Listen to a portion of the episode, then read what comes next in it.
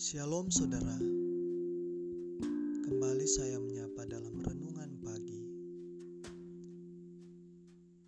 Dari Paulus Rasul Kristus Yesus Oleh kehendak Allah dan Timotius saudara kita Kepada saudara-saudara yang kudus dan yang percaya dalam Kristus di Kolose. Kasih karunia dan damai sejahtera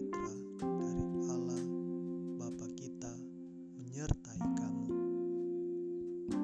Kami selalu mengucap syukur kepada Allah, Bapa Tuhan kita Yesus Kristus. Setiap kali kami berdoa untuk kamu, karena kami telah mendengar tentang imanmu dalam Kristus Yesus dan tentang kasihmu terhadap semua orang kudus. Oleh karena pengharapan yang disediakan bagi kamu di sorga.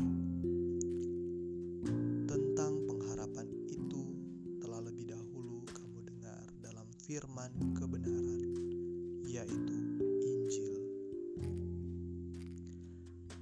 Bersyukur adalah ungkapan terima kasih atas kebaikan dan kemurahan Allah yang terus memelihara iman dan menumbuhkan kasih serta pengharapan akan Injil Karya Allah bagi orang-orang yang kita layani merupakan berkat rohani.